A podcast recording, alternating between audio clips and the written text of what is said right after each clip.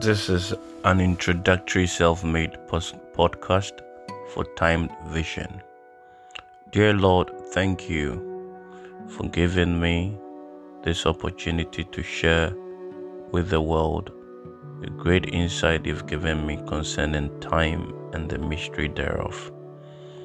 I ask for the grace of your beloved Son, Jesus, to envelop me and to give me light so that I can share the heart of the Father through your Holy Spirit to the world. Jesus, guide me, give me great understanding and insight, even as I am back on this journey. I ask for the grace of utterance to communicate the mind of God, which all our human language is short of words enough to explain and to communicate to human beings.